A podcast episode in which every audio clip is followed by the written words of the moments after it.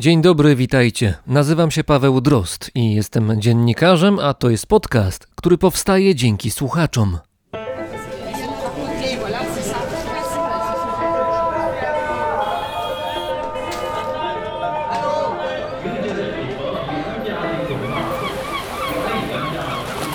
Brzmienie świata z lotu Drozda.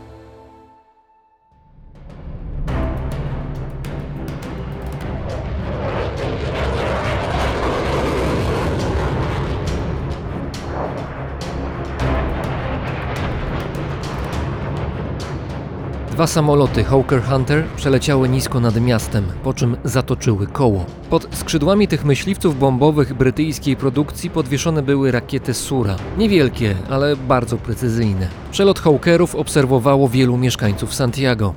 Był 11 września 1973 roku, a w Chile rozpoczął się wojskowy zamach stanu.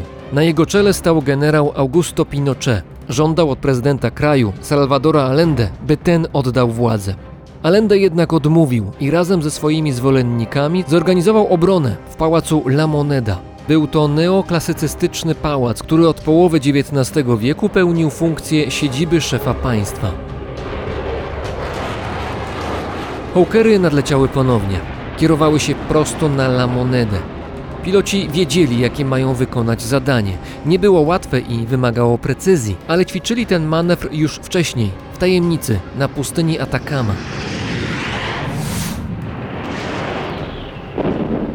O godzinie 12 Hawkery wystrzeliły w kierunku pałacu prezydenckiego rakiety Sura.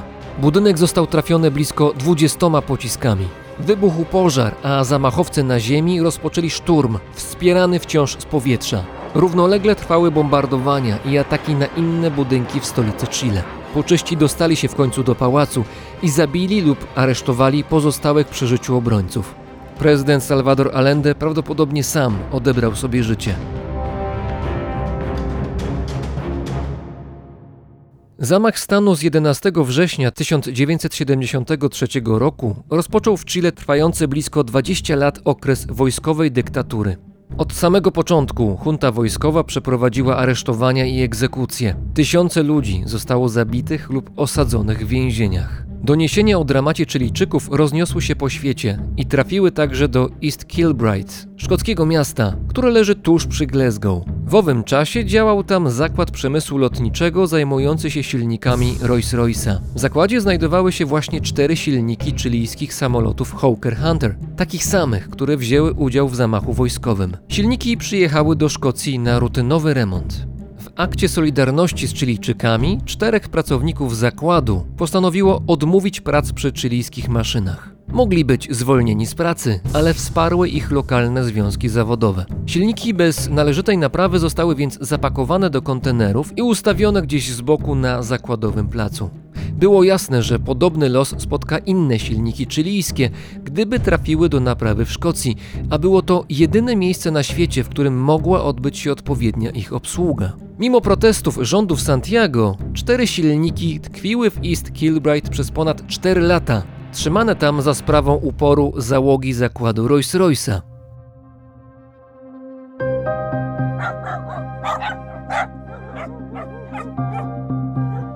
26 sierpnia 1978 roku o 3 rano doszło do zagadkowego zdarzenia.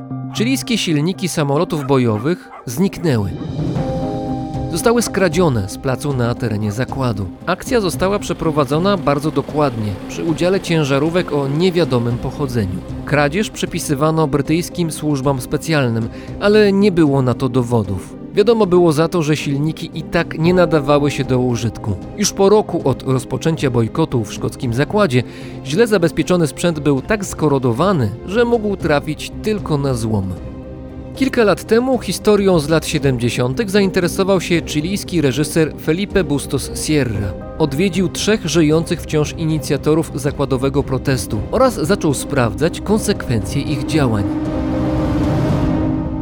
Okazały się zaskakująco poważne. Samoloty Hawker Hunter stanowiły trzon chilijskiego lotnictwa bojowego. Chile miało 29 maszyn tego typu.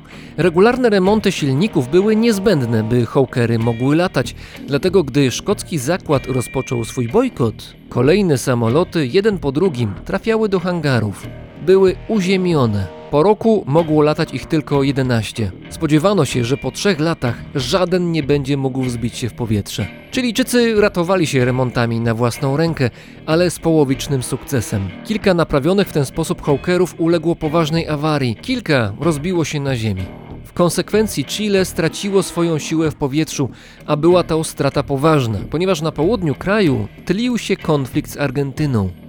Reżyser Felipe Bustos Sierra dotarł do chilijskich więźniów politycznych, którzy za wspieranie prezydenta Allende w latach 70. zostali skazani na śmierć. Będąc w celach, słyszeli z radia o akcji szkockich mechaników, co bardzo podnosiło ich na duchu. Co więcej, po pewnym czasie wyroki części z nich zostały zamienione na długoletnie więzienie, a następnie uwolniono ich bez podania przyczyny. Nie wiadomo dlaczego. Wojskowi nie byli skłonni do ustępstw, dlatego istnieje przypuszczenie, że była to karta przetargowa w grze o silniki zatrzymane w Szkocji.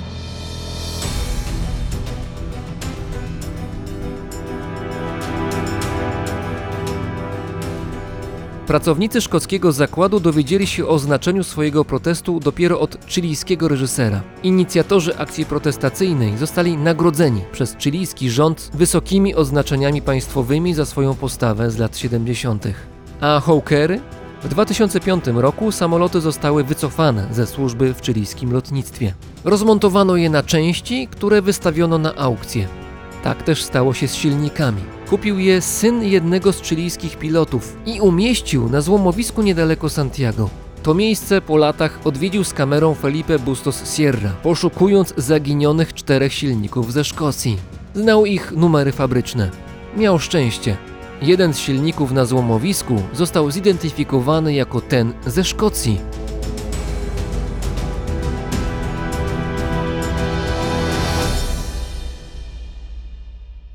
Zakład Rolls-Royce'a w szkockim East Kilbride już nie istnieje, ale związaną z nim historię możecie obejrzeć w filmie Felipe Bustosa Sierry Na Passaran z 2018 roku. A my w tym odcinku będziemy w Szkocji. I co prawda silników samolotów nie będzie, ale ty od ciężarówek? Owszem.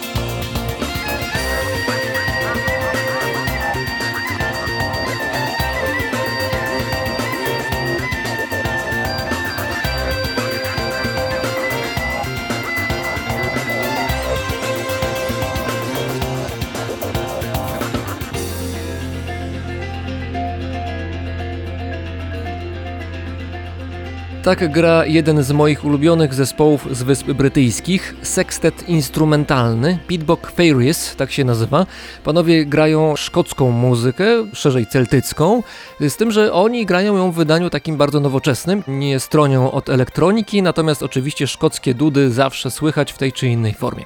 Pitbock Fairies. Wiem, że to jest też zespół, który lubi i szanuje mój rozmówca, który jest w Glasgow, a jest nim Tomasz Oryński, mieszkaniec Szkocji, felietonista oraz kierowca ciężarówki. Dzień dobry. Dzień dobry. Jak się słucha Pitbock Fairies w ciężarówce? Słuchał pan kiedyś? Tak, cały czas jest to jeden z moich ulubionych zespołów. Nie tylko od strony muzycznej, ale także mam z nim bardzo ciekawe wspomnienia, bo podczas mojego pierwszego wypadu na, na hybrydy zewnętrzne usłyszałem płytę tego zespołu graną w pubie lokalnym, takim dla głównie dla lokalnej społeczności i od tej pory jakoś tak wrył mi się w pamięć jako takie skojarzenie moje z tą odległą, bezludną Szkocją. Pitbock Fairies to jest zespół, który ma swoją siedzibę, powstał w miejscowości Dunvegan. To jest miejscowość leżąca na wyspie Skye, na hybrydach chyba wewnętrznych, prawda? Bo mamy dwa pasma. Tak, Skye to hybrydy wewnętrzne. Tak, mamy, mamy hybrydy zewnętrzne i wewnętrzne. To jest archipelag, dwa archipelagi właściwie, które ciągną się w zachodniej części Szkocji. I akurat Dunvegan to jest taka miejscowość, no właściwie niepozorna, bo nie wiem, dwie, trzy setki, cztery setki mieszkańców. Natomiast jeżeli jest sezon turystyczny, a wyspa Skye jest popularna turystycznie na pewno, to tam przyjeżdżają kolejne setki, jak nie tysiące ludzi, między innymi po to, żeby zobaczyć średniowieczny zamek, który tam sobie stoi od czasów bodaj średniowiecznych. Zamek należał do Maglaudów, do jednego z klanów, jednego z najważniejszych klanów szkockich. Jak to wygląda na miejscu? Znaczy ten zamek rzeczywiście jest taki fantastyczny, że warto do niego przyjechać? Bywał pan tam, zdaje się. No byłem, ale oglądałem go raczej od strony służebnych wejść, ponieważ nie byłem byłem tam nigdy jako turysta, a jeden jest dostawą. Z Wyspą Sky jest troszkę tak, że ona padła ofiarą swojego sukcesu i naprawdę w sezonie turystycznym jest tam bardzo tłoczno, dlatego ja i moi przyjaciele, jeśli jeździmy na Sky, to staramy się poza sezonem. Jest wciąż niesamowite piękna, jeżeli nawet nie piękniejsza, bo szkocka pogoda naprawdę zapewnia niesamowite wrażenia o każdej porze roku, no natomiast te co bardziej popularne turystyczne atrakcje są zwyczajnie zamknięte po sezonie, więc nigdy nie udało udało mi się do tego zamku wejść jako turysta. Jest pan bywalcem hybrydów dosyć często, jako kierowca ciężarówki właśnie. Przewozi pan różnego rodzaju pakunki i pakuneczki. Jak to wygląda? Bo to nie jest standardowy transport rzeczy, tak jak na przykład w polskich miastach mamy, są różne firmy kurierskie i tak dalej. To jest troszeczkę inaczej, biorąc pod uwagę specyfikę miejsca.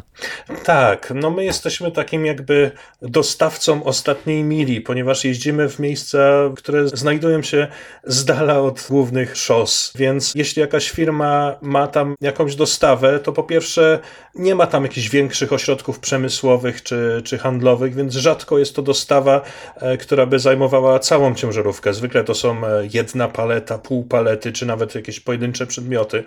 A z drugiej strony, nawet jeśli jest to taka mała dostawa, no to nikt nie będzie wysyłać jednego busika w trasę 300 km w jedną stronę, żeby dostarczyć jedno pudełko, więc wszystko to jest zwożone albo odbierane przez nas i przywożone przywożone do naszej bazy w Glasgow i stamtąd ciężarówki jadące w różne kierunki są ładowane towarami pochodzącymi od, od różnych dostawców, od różnych firm transportowych czy klientów prywatnych i my zbieramy to od wszystkich i dowozimy tam, co owocuje tym, że no, na naszych ciężarówkach można znaleźć dosłownie wszystko, od zabytkowych materiałów przez torpedy. Torpedy pan jakieś, przewoził? E, tak, zdarzało się, że przewiozłem Ale to zaraz, zaraz, zaraz, nie, to musimy się zatrzymać na tym. Nie wiem, czy to było była działalność legalna, zakładam, że tak, więc możemy o niej rozmawiać. Jeżeli nie, to zostanie to między nami i naszymi słuchaczami. Słucham, nie, nie, słucham o torpedach. Prostu... Ja muszę coś o torpedach się dowiedzieć. No tam są bazy wojskowe, no i po prostu jakaś skrzynka była. No, ja, nie, ja nie myślę, że to była prawdziwa torpeda, tylko myślę, że raczej ta sama obudowa do jakichś testów ją tam wieźli, no i wysłali ją z nami. No ale no po prostu no wozi się tam wszystko. Żywność, leki, dostawy jakichś zamówień z Amazona, wełnę owczą. Żywych zwierząt nie przewozimy, natomiast wełnę owczą jak najbardziej w takich balach. Do czasów Brexitu, na przykład często naszym transportem z kolei z wysp do cywilizacji, że tak powiem, były jakieś ślimaki morskie, które dalej jechały do Francji, no i je trzeba było spryskiwać ze szlaucha, kiedy przyjeżdżały do nas do magazynu, bo one były po prostu w takiej skrzynce. Trzeba jeszcze było uważać, żeby czasem nie spryskać torpedy, bo mogłaby się uaktywnić. No, no, no, są takie ładunki, które są naprawdę kruche i trzeba na nie uważać. Co jest trudne, bo ja to się zawsze śmieję z tego mojego szefa, który to jest, on tam pracuje w tej firmie od dziecka. Firma była założona 40 parę lat temu przez jego ojca. To jest trudny rynek, bo nie dość, że przeprawy promowe kosztują krocie, no to jeszcze na tych wyspach bardzo mało się produkuje, a jeśli to są to jakieś ryby, e, owoce morza, które no, przewozi się chłodniami takimi jako mrożonki, których my nie mamy.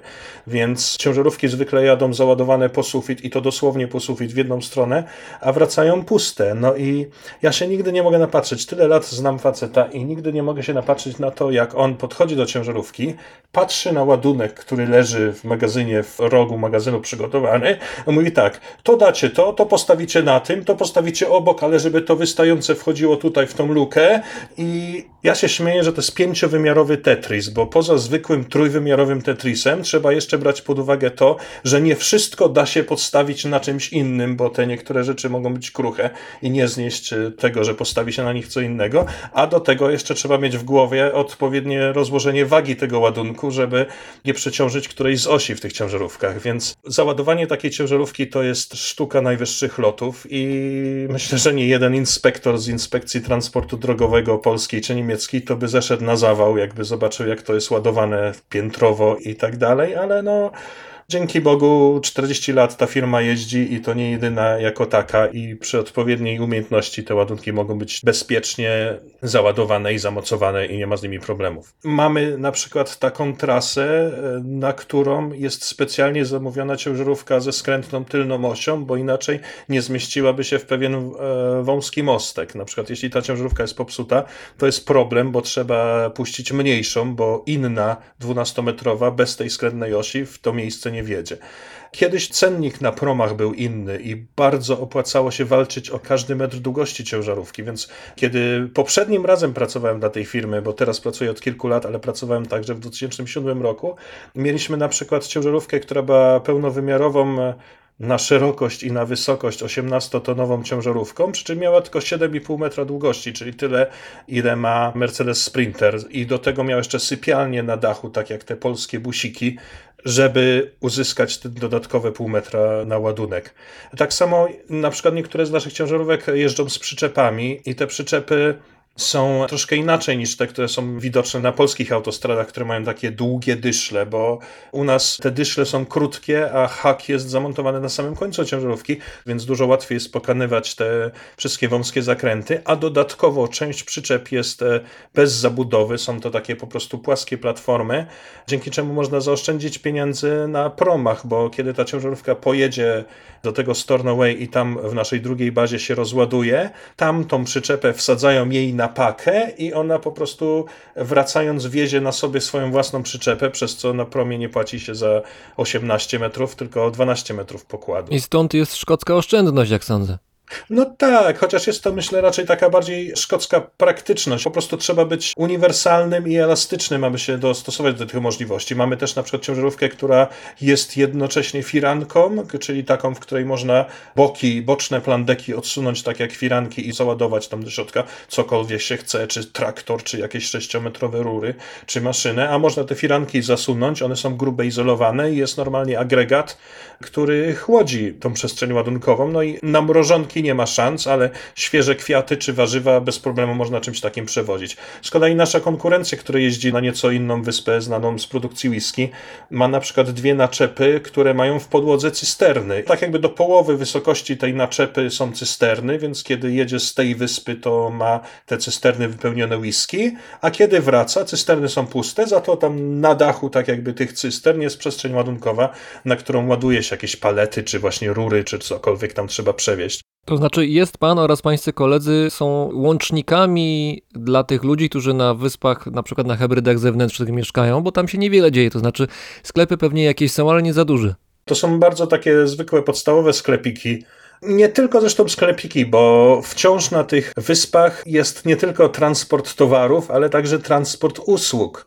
Ponieważ większość z tych wysp, czy nawet miejscowości nie jest wystarczająco liczna, aby na stałe był tam nawet sklep, dentysta, czy na przykład jednostka bankowa, to na drogach można spotkać także właśnie mobilne kliniki dentystyczne, Mm. mobilne sklepy, mobilne banki. Jest nawet jedno w Szkocji mobilne kino, które jest genialnym wynalazkiem. To jest po prostu taki wielki tir, który po zajechaniu na miejsce jego naczepa rozsuwa się na boki i w środku jest sala kinowa na 40 osób z wygodnymi pluszowymi fotelami. Czyli to nie jest kino plenerowe, tylko to jest kino zamknięte. Tak, no przy tej pogodzie to raczej kino plenerowe miałoby tam mało do użycia. Byłem raz w tym kinie i muszę powiedzieć, że jest to dosyć niesamowite wrażenie, no bo byłem tam podczas sztormu.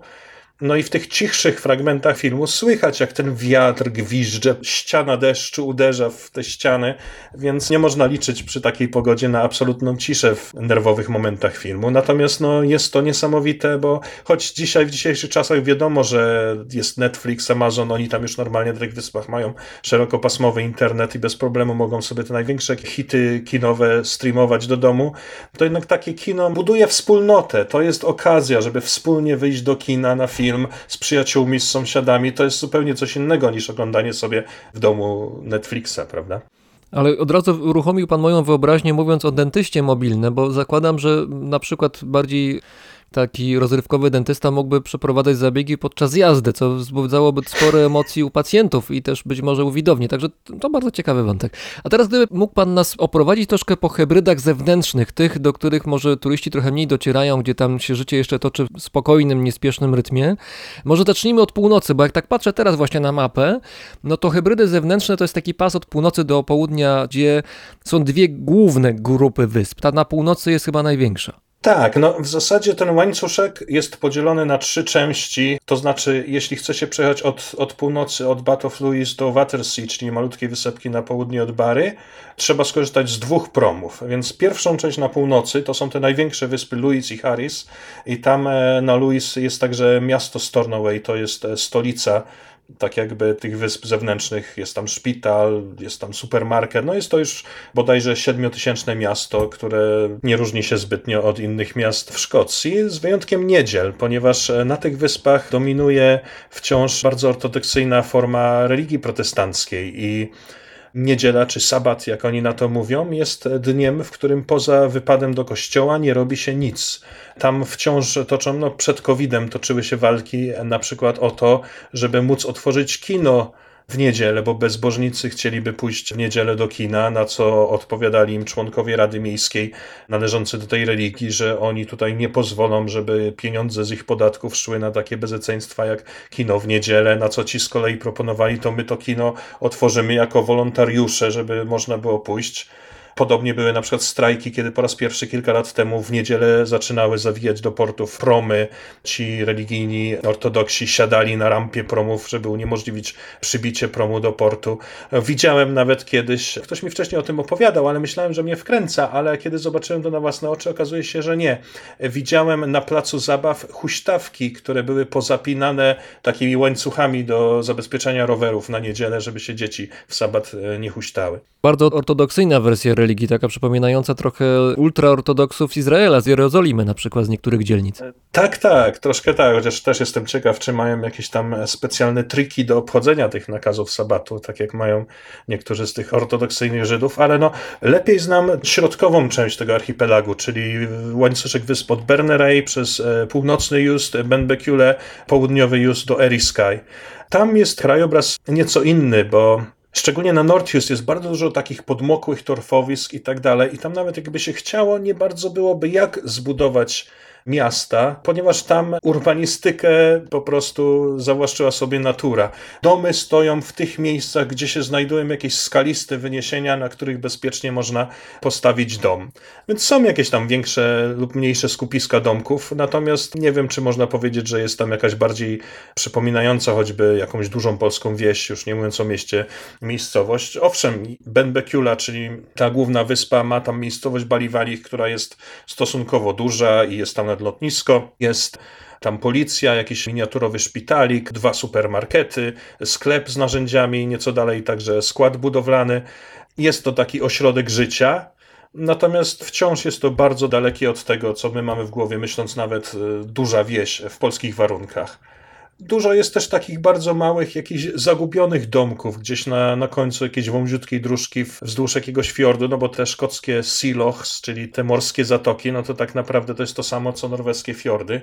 Jest to na pewno bardzo ciekawe, bo nie ma tam jednego centralnego miejsca. Kulturowo są jakieś skupiska, na przykład jeśli jest hotel i on ma pub, to tam jest to bardzo ważnym centrum dla lokalnej społeczności.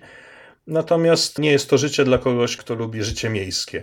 No a dalej jest wyspa Bara, która jest chyba moim ulubionym miejscem w Szkocji, z doczepioną do niej niewielką wysepką Watersea, która poza miejscowością Castle Bay, która się tak nazywa, bo na środku zatoki z morza po prostu wystaje zamek, ma tylko te porozsypywane domki dookoła wzdłuż brzegów i na jednej z plaż mieści się lotnisko i, i to jest właściwie tyle, co na tej wyspie jest. To proszę jeszcze opisać to lotnisko, bo ono jest dosyć nietypowe. No to prawda, no bo to jest lotnisko, jedyne na świecie regularne lotnisko, obsługujące regularne połączenia lotnicze, mające swój kod i tak dalej, które nie ma pasa startowego. Samoloty startują, lądują z plaży w czasie odpływu. Tom Scott, taki youtuber popularny brytyjski, dosłownie wczoraj wrzucił e, na YouTube swój e, filmik z tego lotniska, który polecam, jak ktoś chce zobaczyć. No bo szczerze mówiąc, no, ja mogę o tym opowiadać, ale to trzeba zobaczyć. Nigdy nie udało mi się jeszcze przylecieć tam samolotem, natomiast kilkokrotnie byłem na tym lotnisku i oglądałem lądujące i startujące na tej plaży samoloty, no i jest to naprawdę niesamowite wrażenie. Przy czym oczywiście nie są to żadne jumbojety, największy samolot tam jest chyba Twin Otter, który ma może 20 pasażerów. No natomiast pomimo tego małego rozmiaru, no jest to regularne lotnisko z wieżą kontroli lotów, z wozami strażackimi, z wózkiem na bagaże, z salą odpraw. Nawet miłośnicy lotnictwa mogą z ciekawością na to spojrzeć, bo na żadnym innym lotnisku nie można jego działania obserwować tak bardzo z bliska. A kiedy samolot odleci, zaczyna się przypływ, ściągają te rękawy wskazujące kierunek wiatru i jest to sygnał dla okolicznych mieszkańców i turystów, że lotnisko jest nieczynne i można sobie wejść na plażę i na przykład się na tej plaży wykąpać, czy, czy pozbierać są tam jakieś muszle, więc no jest to jedyne lotnisko na świecie, w którym można się wykąpać. To jestem ciekaw, czy tam straż pożarna e, tak koniecznie jest potrzebna, skoro wszystko odbywa się bezpośrednio przy morzu. Może by wystarczyło czasami w sytuacji awaryjnej poczekać na przypływ. Ta straż pożarna ma jeszcze to do siebie, że ona pomaga również w pożarach innych na wyspie, no bo raczej trudno oczekiwać, żeby w razie potrzeby przyjechał kolejny wóz z mainland, kiedy prom na, na barę z Oban płynie 5 godzin, więc, więc jeśli trzeba, to te wozy strażackie z lotniska jadą także do pomocy przy normalnych pożarach, czego też raz byłem świadkiem. To jeszcze y, przypomnę, że Tom Scott, o którym pan wspomniał, to jest brytyjski youtuber, kiedyś pracował w telewizji, teraz działa właśnie na YouTubie i rozumiem, że tam można na YouTubie obejrzeć ten film z tego lotniska, o którym mówimy. Tak, tak. On akurat chyba teraz jest w Szkocji, bo wypuścił także niedawno filmik o jedynym chyba zostałym na świecie promie obrotowym, który Co to jest?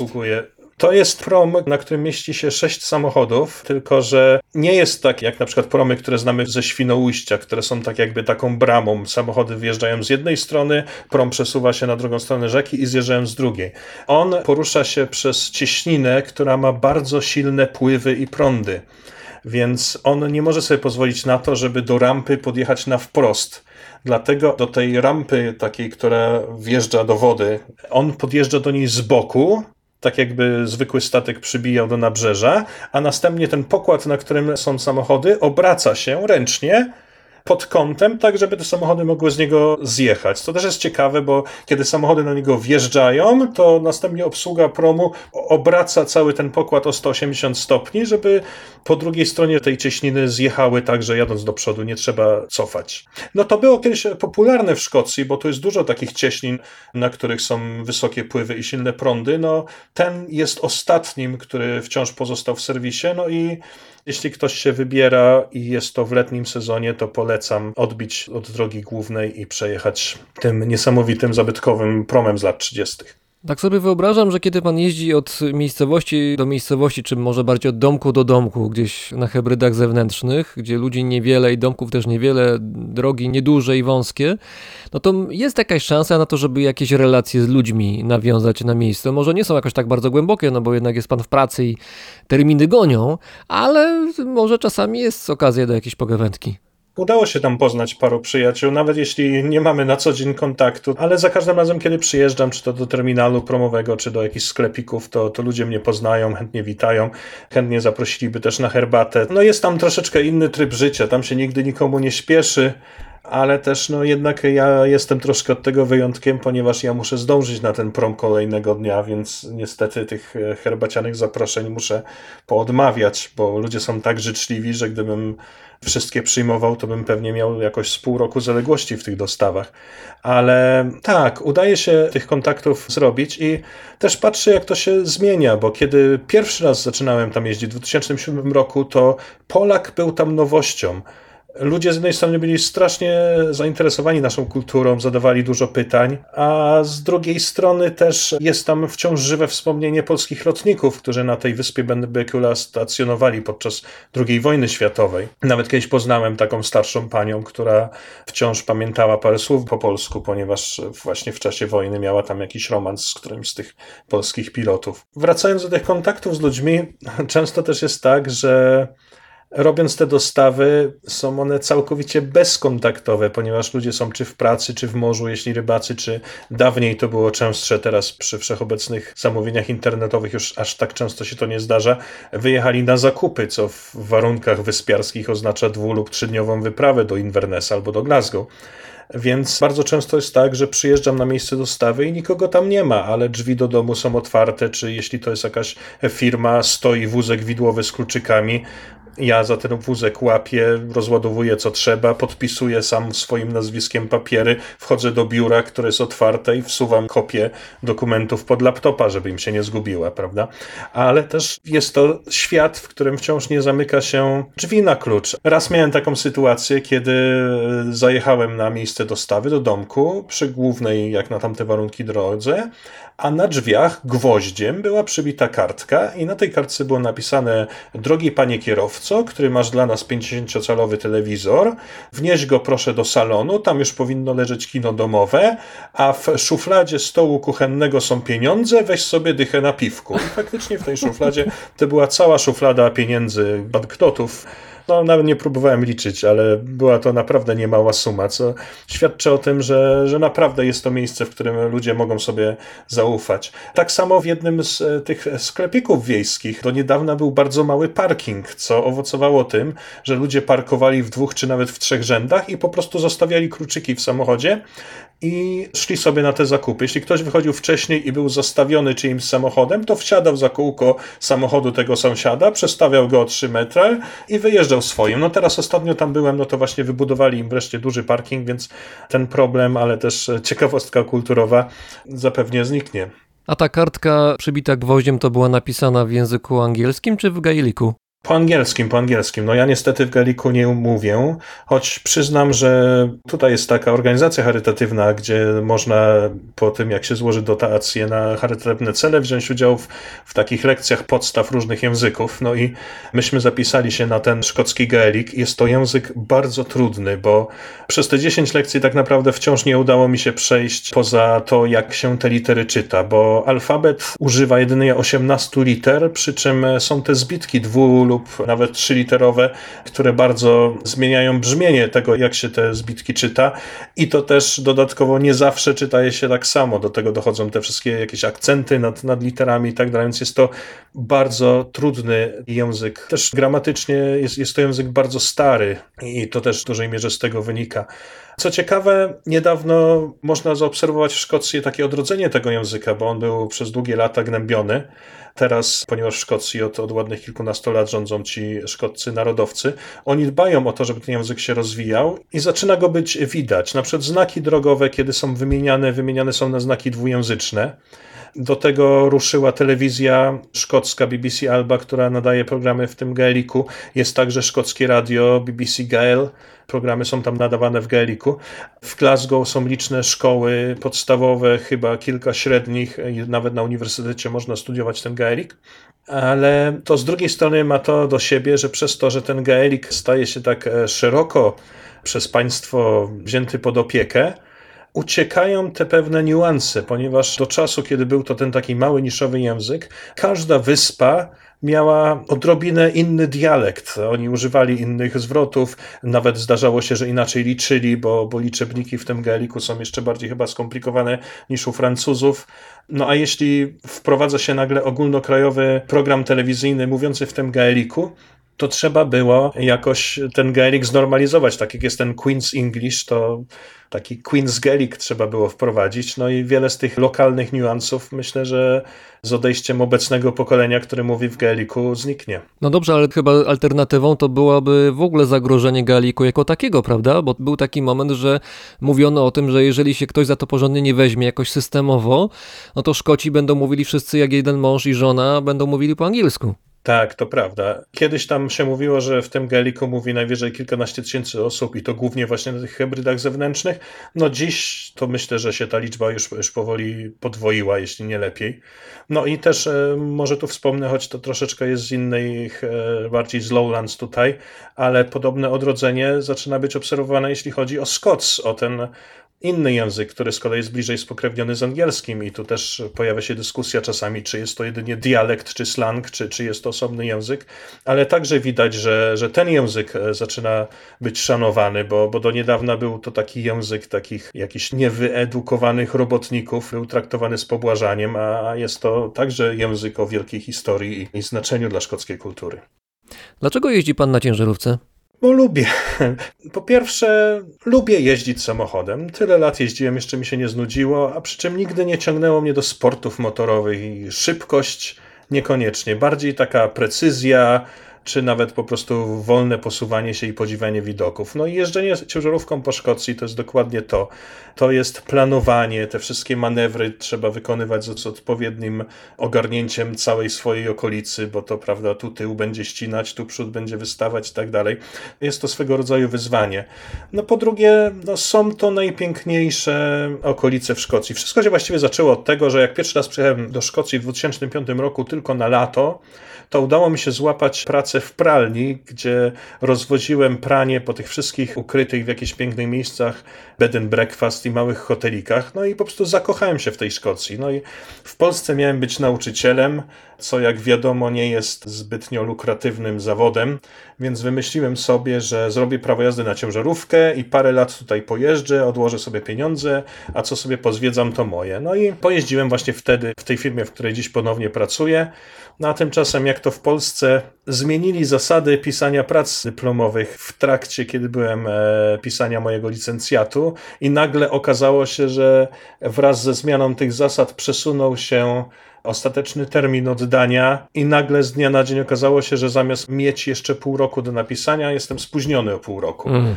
No i nie będę wchodził w szczegóły, wiadomo jak to w Polsce, nie mamy waszego płaszcza i co nam pan zrobi. Ja wtedy stwierdziłem, że e, ponieważ oznaczałoby to dla mnie powrót i odbębnianie ponownie ostatniego roku studiów, bo także zmieniły się program i musiałbym nadrobić jakieś różnice programowe, no to stwierdziłem, że to czego się nauczyłem, to mi nie odbiorą. No nie, nie będę tam wracał i, i, i robił tych wszystkich rzeczy, no bo to jest po prostu zwyczajnie nieuczciwe.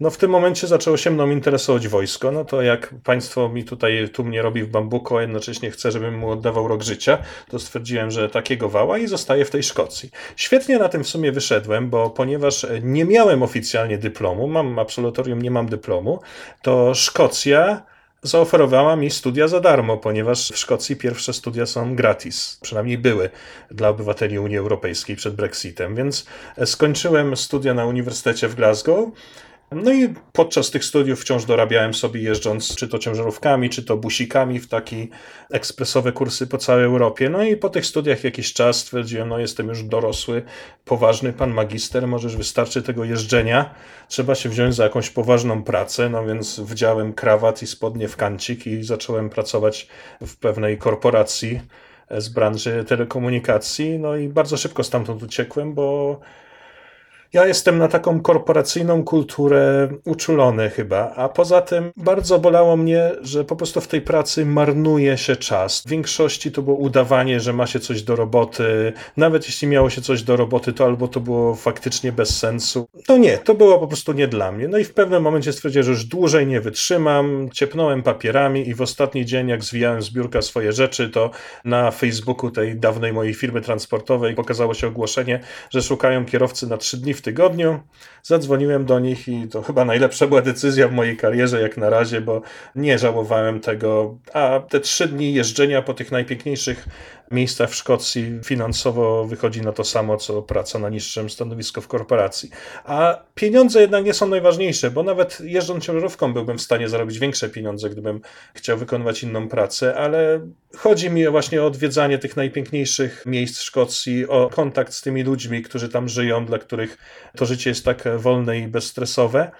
No i też no, nie oszukujmy się, jest to praca, która daje taką zwykłą satysfakcję, bo jeśli zrobiło się jakiś tam dokument w Excelu, którego i tak nikt nie przeczyta, to, to człowiek jakoś nie ma z tego satysfakcji. A jeśli przywiezie starszej pani pralkę, na którą ona czeka od czterech dni i ona widać, że ona naprawdę się cieszy, że ma wreszcie tą pralkę, to człowiekowi to daje naprawdę zupełnie inną satysfakcję. No i też kontakt z tymi ludźmi jest zupełnie inny niż takie biurowe życie i polityka przy automacie do kawy, prawda?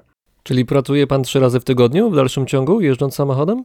Czasami więcej jak trzeba, jak tam jakiś kierowca jest na Europie czy coś, ale generalnie tak. W poniedziałki zwykle piszę, bo współpracuję z takim czeskim portalem, dla którego piszę o polskiej polityce. We wtorki teraz pracujemy z kolegą, uruchomiliśmy nasz własny podcast, a od środy do piątku jestem za kółkiem. To jeszcze proszę powiedzieć, jaki to jest podcast. Skorzystajmy z okazji. No, no, podcast nazywa się Lewackie Pitolenie. Jest to tak troszkę podcast nasz testowy, bo, bo mieliśmy większe plany, które nam pokrzyżował COVID, ale stwierdziliśmy, że zrobimy taki mniej wymagający podcast, żeby się nauczyć tej całej techniki i tak dalej, ale to nie znaczy, że on jest tylko na próbę. Myślę, że on zostanie na stałe, a oprócz tego z czasem e, zrobimy także ten wielki. Jak pan wspomina czasy COVID-u, będąc w pracy, to znaczy jak kierowca ciężarówki odczuł to, że jakaś pandemia się rozpoczęła i trwa? No, u nas w Szkocji był bardzo duży lockdown i wszystko siadło. Nasza firma wciąż miała wystarczająco pracy. Przy czym no, dla kierowcy lockdown to było coś wspaniałego. Ja wiem, że to brzmi brzydko w, w momencie, kiedy cały świat boryka się z bardzo groźną pandemią, ale tak czysto z punktu widzenia kierowcy, to był naprawdę czas wspaniały i był to naprawdę jedno z bardziej niesamowitych przeżyć w moim życiu. Po pierwsze, drogi były absolutnie puste. Człowiek jechał godzinami i mógł nie spotkać ani jednego samochodu. I to dosłownie godzinami. Mój rekord to jest przejazd od zamku Eilindonan Castle, to jest prawie na wyspie Skye do Glasgow.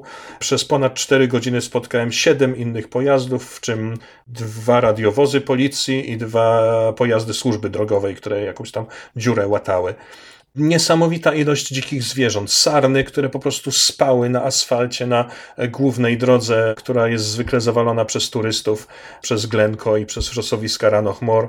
To tam w pewnym momencie musiałem jechać slalomem między, między śpiącymi sarnami które też jakoś przestały się w ogóle bać. To też no, niestety dla, dla kilku z nich się źle skończyło. Te tereny, w których my operujemy, są to tereny bardzo bezludne, więc nawet jeśli towarów mieliśmy mniej do przywiezienia, to wciąż musieliśmy pokonać te same kilometry, więc było mniej pracy fizycznej, która jednak w takiej branży jest czymś codziennym, a wciąż tyle samo jeżdżenia po tych pustych, bezludnych okolicach.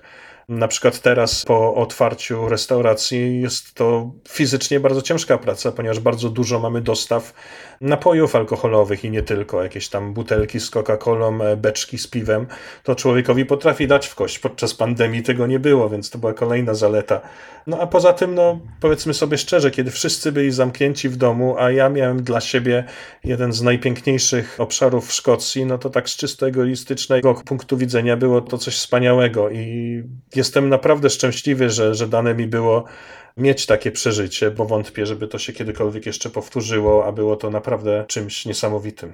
W normalnych czasach jeżdżenie po hybrydach zewnętrznych, no to nie jest jeżdżenie w korkach, natomiast już hybrydy wewnętrzne, szczególnie wyspa Sky, to jest inna historia, prawda? Tam rzeczywiście zdaje się, że kilka filmów kręcono w ostatnim czasie, co spowodowało wzrost zainteresowania widzów, którzy chcieli zobaczyć te plenery, gdzie były kręcone filmy, albo też z jakichś innych powodów, bo jakieś kolorowe pismo dało znać, że właśnie na Sky trzeba pojechać i, i zobaczyć. To wszystko spowodowało, że tam są w tej chwili tłumy. Sky padło ofiarą swojego sukcesu, no i powiem szczerze, zwyczajnie infrastruktura nie wyrabia Bardzo często jest tak, że nie ma gdzie zaparkować, że ludzie parkują gdzieś na jakichś trawnikach, w tych zatoczkach do mijania się. Często któryś wjedzie w torfowisko i się tam zakopie po osie, potem go trzeba traktorem wyciągać. No i też powstają no, prawdziwe korki. Ostatnio miałem taką sytuację, może akurat nie na Sky, tylko w drodze do Ahiltibuje.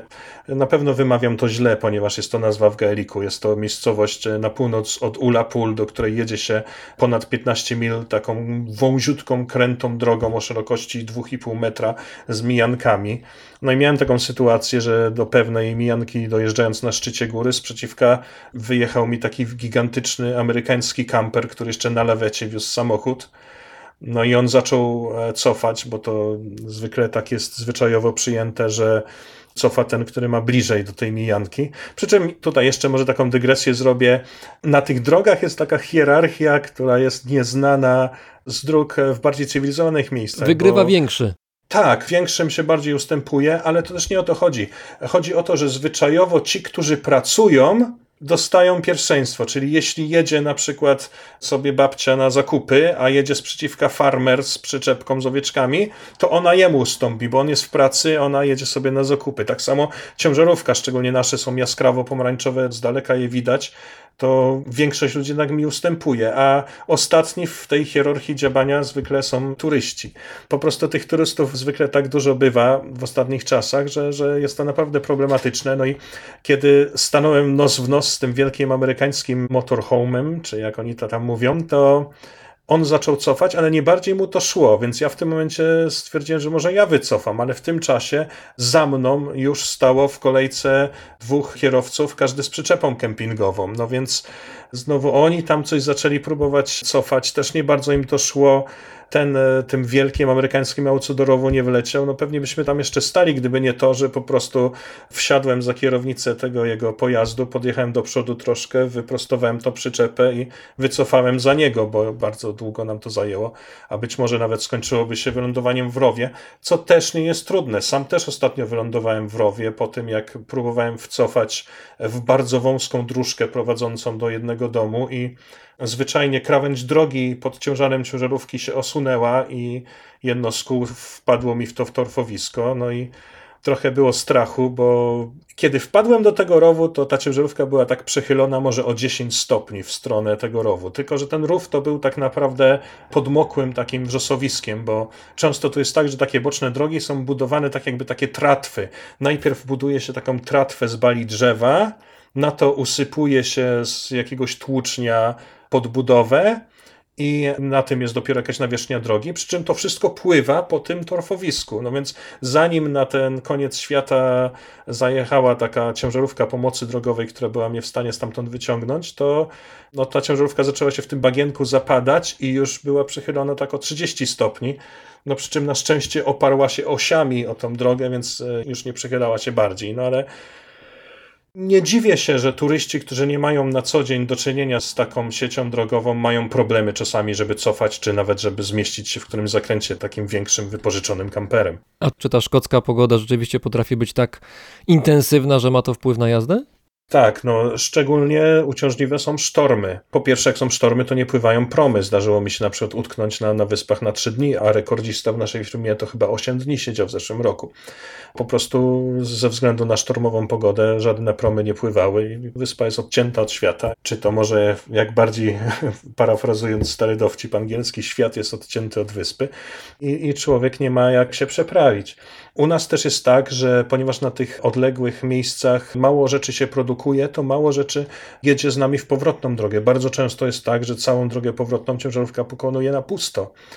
Więc o ile na przykład przez taką groblę prowadzącą z jednej wyspy na drugą, która jest po prostu usypana przez morze, w czasie sztormu ciężką ciężarówką człowiek nie boi się przejechać, bo nawet jeśli te fale go całego przykryją, to go stamtąd nie zmiotą, no to już na przykład ciężarówką pustą człowiek się nie odważy, no i po prostu staje przed taką groblą i, i czeka kilka godzin, czasem nawet aż, aż przestanie wiać. Częstym widokiem jest także to, że ciężarówki, które mają taką firankową zabudowę, czyli z boku są takie kurtynki, które można odsunąć. Kierowcy odsuwają te kurtynki maksymalnie do tyłu i tam je przywiązują do tych tylnych słupków żeby wiatr był w stanie na przestrzał przez tą ciężarówkę przelatywać, żeby nie stawiała takiego oporu, ale no te wichury są takie, że i tak nawet kiedyś mając te kurtynki odsłonięte, kiedy stałem w porcie, wiało tak, że samo to bujanie kabiny na wietrze spowodowało, że miałem objawy choroby morskiej. Skończyło się na tym, że wziąłem sobie śpiwór i poszedłem spać na ławce w poczekalni dla pasażerów promu. Oglądałem kilka e, z pańskich filmów na YouTubie, na których, no właściwie one są takie nieskomplikowane, to znaczy widać, kamera jest ustawiona, tak zwany dashcam jest ustawione na pewnie desce no, rozdzielczej. Ja ich praktycznie nie, nie edytuję, ja po prostu sobie zbieram takie ścinki i, i je tam wrzucam, bo żaden ze mnie nie jest filmowiec. Tak to troszkę zacząłem robić nawet, żeby pokazać sobie, żeby pokazać rodzinie czy przyjaciołom i żeby mieć na starość, bo, bo mi się na dysku twardym one wszystkie przestały mieścić, więc zacząłem rzucać na YouTubie i jakoś tak poszło. Taka medytacja drogi z tego wychodzi, to znaczy jest sobie dróżka, dróżka jest na szerokość auta, jeden zakręt w lewo, drugi w prawo, potem jakaś prosta, jakieś przejście, jakieś owce, czasami jakiś samochód i tak pan jeździ cały czas. I słucham pana podcastu między innymi. Tak, tak. E, jest to chyba najbardziej relaksująca praca, jaką w życiu miałem. I nie tylko mówię tu o takich innych rzeczach, które w życiu robiłem, jak właśnie ta praca w biurze, czy też byłem tłumaczem dla policji, ale też jeśli chodzi o jeżdżenie, bo no bo powiedzmy sobie szczerze, o, przepraszam, kot mi próbuje zjeść mikrofon, muszę go odstawić. Powiedzmy sobie szczerze, no ludzie z całego świata płacą ciężkie pieniądze, żeby tu przyjechać i, i na te road tripy po Szkocji się udać, a ja nie dość, że mam to za darmo, to mi jeszcze za to płacą, więc jest to naprawdę bardzo przyjemna praca i taka jazda po tych pięknych okolicznościach przyrody jest naprawdę relaksująca, a do tego jeżdżę po Szkocji od 15 lat i jeszcze mi się nie znudziła. Niezależnie od tego, która pora roku, jaka pogoda, zawsze jest pięknie. Czy to jest wielki sztorm i chmury sunące 20 metrów nad powierzchnią morza, czy to jest piękna słoneczna pogoda, czy to jest kolorowa jesień, czy to jest wiosna, która tu w Szkocji zwykle wybucha ferią kwitnącego wszystkiego. Do tego są takie, ja nie wiem jak one się po polsku nazywają, ostatnio sprawdzałem, okazało się, że całe życie myślałem, że, że to jest coś innego, więc niestety nie będę w stanie podać jak one się nazywają. Są takie kolczaste krzewy, które mają takie żółte kwiatki. One kwitną praktycznie cały rok, od stycznia do późnej jesieni można jechać w maju, w czerwcu szczególnie, to się jedzie czasami przez morza tych żółtych kwiatów. No, w sierpniu zaczną się wrzosy, więc wszędzie zacznie być różowo, fioletowo. Naprawdę, tak jak pan mówi, no to jest to troszkę taka medytacja, jest to niekończące się napawanie tym pięknem tej wciąż dzikiej przyrody i nie wiem, czy jest to praca na całe życie. Pewnie nie, natomiast teraz przez te kilka lat, jak tu pracuję, naprawdę jestem szczęśliwy z tego, że mam okazję pojeździć sobie w te najpiękniejsze miejsca. Panie Tomaszu, jeszcze jeden wątek zostawiłem sobie na koniec, taka mała wisienka na torcie. Wiem, że jako obserwator świata, a Szkocji w szczególności z punktu widzenia fotela kierowcy ciężarówki, zwrócił Pan uwagę na zjawisko pod tytułem Problem toalet na autostradach w Wielkiej Brytanii. To jest taka rzecz, wydaje się śmieszna, banalna i tak dalej, ale jak człowiek jedzie gdzieś w terenie i no natura woła, to trzeba jakoś zareagować. W tych terenach, których pan się obraca, których pan jeździ, to to jest problem realny. Problem z brytyjskimi autostradami jest tak, że chyba jako wyjątkowo sytuacja w całej Europie, tam nie ma takich małych przydrożnych parkingów autostradowych, że jest zatoczka, pięć stanowisk dla tirów, 10 dla samochodów i toaleta. Tam co kilkanaście mil czy kilkadziesiąt jest taki wielki parking, na który trzeba często zjechać z autostrady, przybijać się przez jakieś ronda, tam zaparkować. Zwykle ten parking dla tirów jest na jakimś końcu i też bardzo rzadko jest przelotowy, taki jak znamy z Europy, że wyjeżdża się z jednej strony, wyjeżdża się z drugiej, więc często trzeba cofać. Dla tirów najlepiej jest tak jak znamy przy autostradach, że są takie ukośne stanowiska i po obu stronach są drogi, że jedną drogą się wjeżdża, skręca się w prawo, wjeżdża się na to stanowisko, a potem wyjeżdża się do przodu na tą drugą drogę. No, w Wielkiej Brytanii nie. W Wielkiej Brytanii bardzo często te parkingi są takie, że taki tir musi tam się łamać i cofać. Natomiast no, ja tego problemu na szczęście nie mam, bo w tych górach jest bardzo stosunkowo jak na tak nisko zaludniony kraj. W każdej nawet najmniejszej wiosce bardzo często można znaleźć taką przydrożną toaletę, przy czym można znaleźć, to czasami jest dosłowne, bo one są czasami gdzieś zarośnięte z jakimiś krzakami, że nawet ich nie widać ale zwykle są czyste, ktoś o nie dba, są takie skarbonki na dobrowolne datki, bo bardzo często przejęły jakieś lokalne społeczności. Gorzej jest z prysznicami, szczególnie, że te dostępne publicznie prysznice bardzo często są po prostu zatłoczone przez ten natłok turystów, o których wspominaliśmy. No ale tu znowu bycie częścią tej lokalnej społeczności no, daje pewne możliwości. Ja na przykład dostałem zaproszenie od pracowników farmy rybnej, którzy mają tam swoje prysznice, no i powiedzieli, że ponieważ mają damski i męski, a żadna dziewczyna u nich nie pracuje, to oni ten damski zostawiają otwarty. Mówię, jak tylko przejeżdżasz, to śmiało wpadaj i korzystaj sobie do woli. Więc tak, no ale ten problem z tym siusianiem na autostradzie, ja wiem, że to śmiesznie brzmi, ale to wydaje mi się, że jest to problem poważny, ponieważ na moim blogu jest to od lat najpopularniejszy artykuł na który ludzie wpadają, wyszukując ten problem, gdzie sikać na brytyjskiej autostradzie. Więc z tą infrastrukturą dla kierowców, i to nie tylko kierowców ciężarówek, bo, bo to jest też uciążliwe, jak się jedzie samochodem, faktycznie nie jest w Wielkiej Brytanii dobrze. Rozumiem, że to też skutkuje tym, że czasami się pojawiają ludzie gdzieś tam przy krzaczkach wzdłuż drogi i, i robią coś, czego może tam robić nie powinni. To się często spotyka na autostradzie. Stoi samochód pod mostem na awaryjnym i, i, trzech panów w rządku. No jest też coś takiego, jak ktoś jeździł autostopem po Wielkiej Brytanii, to pewnie się gdzieś na to na poboczu natknął. Plastikowe butelki pełne żółtego płynu. To się tutaj nazywa sok z kierowcy ciężarówki, no i nie jest to in brew, prawda? Truckers juice na to mówią. Ja myślę, że to jest częścią takiej brytyjskiej, może bardziej nawet angielskiej mentalności, że jak coś zawsze było, to nie ma co zmieniać. Tu ten standardowy przykład tych podwójnych kranów ciepłych i zimnych. Oj tak, wie pan, Pamiętam... ja, ja, do dzisiaj tego nie mogę zrozumieć. O co chodzi? Przecież to jest tak nielogiczne. To znaczy, to ma pewne zastosowanie w sytuacji, na przykład tak jak w mieszkaniu, w którym obecnie mieszkam, jest taki boiler, w którym grzeje się woda, taka po prostu cysterna. No i jeśli ta woda tam jest ciepła, no to łatwiej o jakieś zakażenie, o jakieś bakterie. Dlatego ta woda zimna, która jest pitna i jest wyborna w Szkocji, powinna być oddzielona od tej ciepłej, żeby te ewentualne bakterie nie przedostały się do no, tej wody, którą po prostu ludzie podstawiają szklankę i piją. Więc miało to i czasami jeszcze ma jakiś e, praktyczny powód. Natomiast w większości mieszkań już, już, już te boilery nie występują, a ludzie dalej montują te podwójne krany, bo zawsze tak było. A moim takim najmniej ulubionym, żeby delikatnie powiedzieć, rozwiązaniem to jest takie podwójne krany w tych publicznych toaletach, które nie mają kurków, tylko takie są, nie wiem jak to się nazywa, że trzeba nacisnąć Aha. przez pewien czas ta woda leci, bo kiedy one się wyrabiają, czy jak są starsze, a może po prostu trzeba je regulować od czasu do czasu, e, wtedy ta woda leci tylko wtedy, kiedy się naciska. No i naprawdę nie jest wtedy łatwo umyć, umyć rąk w czymś takim, jeżeli muszę nacisnąć kran, żeby z niego leciało, a mam do wyboru wrzątek albo lodowate, prawda? No poza tym jeżdżą lewą stroną, co jest już w ogóle dziwną historią, chociaż z drugiej strony też bywają kraje nie tylko postkolonialne, gdzie po tej lewej stronie się jeździ, chociażby w Japonii, a jeszcze nie wiem, czy pan pamięta, ale do lat bodaj, do końca lat 60. albo nawet 70. w Szwecji jeżdżono lewą stroną, to jest przedziwne. Tak, i oni tam przestawili się. W ciągu jednego dnia. jedną noc, tak. No myślę, że w Wielkiej Brytanii to już by dzisiaj nie było możliwe, przy czym no ja przez parę lat jeździłem tymi busikami po całej Europie, brytyjskim busikiem z kierownicą po prawej stronie i to jest kwestia delikatna przyzwyczajenia i te wszystkie straszenie o tym, że wpuszczenie tych brytyjskich samochodów na europejskie drogi się zakończy jakimś kataklizmem, to jest wszystko nieprawdziwe, bo nigdy nie miałem problemu z tym, że siedziałem po nie tej stronie co trzeba. Panie Tomaszu, na koniec jeszcze, wracając do samej Szkocji, jedno miejsce w Szkocji, do którego nie warto jechać, bo jest przereklamowane albo z jakiegoś powodu nie warto, i jedno takie, które pan poleca prywatnie.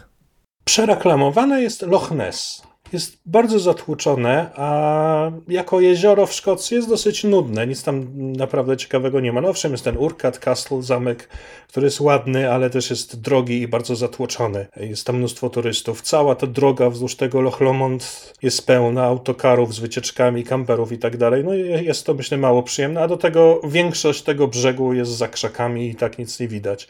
Dużo ciekawszym jest na przykład jezioro Loch Lomond, które jest dosłownie na opłotkach Glasgow. Pół godziny jazdy samochodem samochodem jest się nad Loch Lomond, może nawet autobusem podmiejskim dojechać. Natomiast takim moim ukochanym miejscem w Szkocji, no to jest chyba ta wyspa Bara. To jest e, ta, na południu archipelagu hybrydów zewnętrznych. To jest też chyba jeden z najbardziej na zachód wysuniętych, zamieszkałych części Wielkiej Brytanii. Jest to mała wysepka z bardzo przyjaznymi ludźmi, z przyjazną społecznością, z przepięknymi plażami, turkusową wodą, Z nią jest połączona na przykład jeszcze mniejsza wyspa Watersea, która ma taki półwysep w kształcie takiego młotka, gdzie po obu stronach trzonka są plaże i jeszcze od góry jest plaża, czyli można sobie rano wstać, iść na wschodnią plażę, potem jak się słońce przesunie, można iść sobie na południową plażę, a na wieczór przesunąć się na plażę zachodnią i cały dzień można jak ten mały książę, co się przesuwał, żeby oglądać zachód słońca, tak samo tam można przez cały dzień być na plaży, na którą świeci słońce. No jest to Wyspa Bara, to jest chyba jedno z moich najukochańszych miejsc w Szkocji. Razem z nami był Tomasz Oryński, felietonista, mieszkaniec Szkocji i kierowca ciężarówki. Wszystkiego dobrego, bardzo dziękuję. Dziękuję, do widzenia.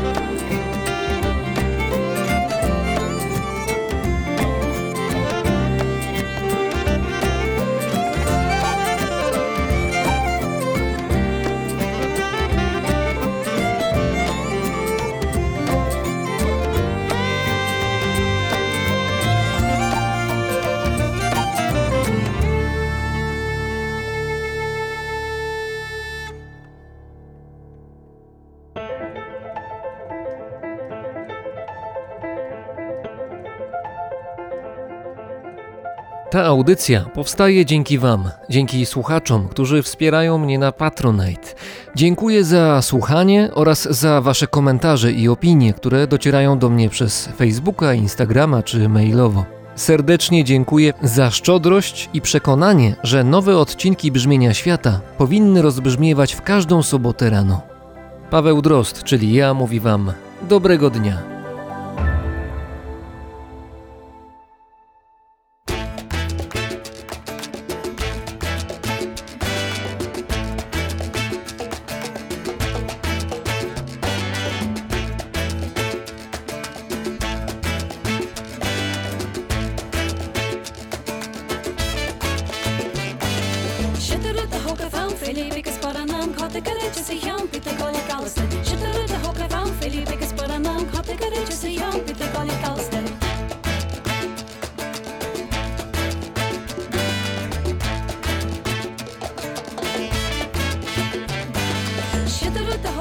Felipe Gasparanam, Kotika de Chasian, Pite Goya Callister, Chitara to Hokafam, Felipe Gasparanam,